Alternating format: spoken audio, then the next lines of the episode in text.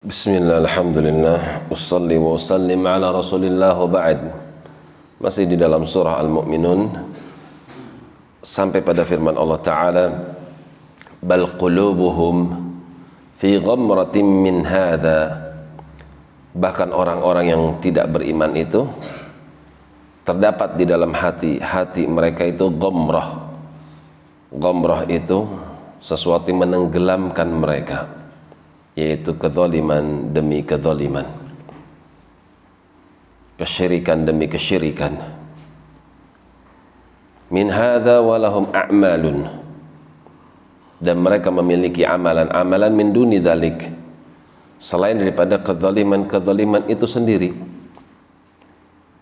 Hum laha amilun.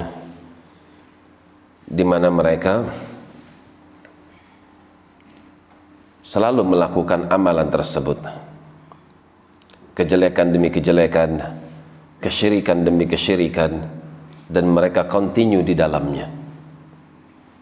Hatta sehingga idza akhadna mutrafihim manakala kami timpakan azab. Kepada siapakah azab itu menimpa? Mutrafihim. Orang-orang yang biasa hidup mewah itulah para tokoh. Tokoh-tokoh kesesatan. Di mana mereka memiliki kedudukan di mana mereka memiliki kekuatan baik itu finansial atau kekuasaan. Bil azabi kami timpakan mereka dengan azab. Idahum yaj'arun tiba-tiba saja mereka berteriak menjerit-jerit La taja'arul yaum Kalian jangan menjerit-jerit. Innakum minna latunsarun Karena sungguh sekali-kali kalian tidak akan pernah ditolong. Qad kanat ayati tutla alaikum. Bukankah sungguh telah dibacakan ayat-ayatku kepada kalian? Fakuntum ala aqabikum tangkisun akan tapi justru kalian putar badan-badan kalian. Kalian berbalik. Tidak mau menoleh kepada ayat-ayat kami. Mustakbirina bihi. Di mana kalian menyombongkan diri.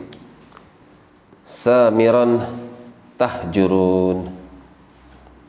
Selalu dan continue tidak berhenti-henti.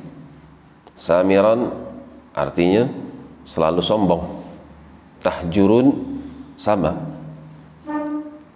Menampakkan dirinya kalau dia berada di atas posisi yang menyelisihi kebenaran.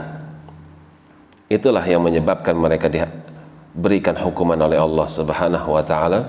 Ketika mereka diberikan fasilitas duniawi ternyata mereka gunakan untuk hal-hal yang negatif dan bahkan mereka menyombongkan diri untuk tidak beribadah kepada Tuhannya. Itulah sebab yang mendatangkan azab bagi mereka. Demikian walau alam bisawab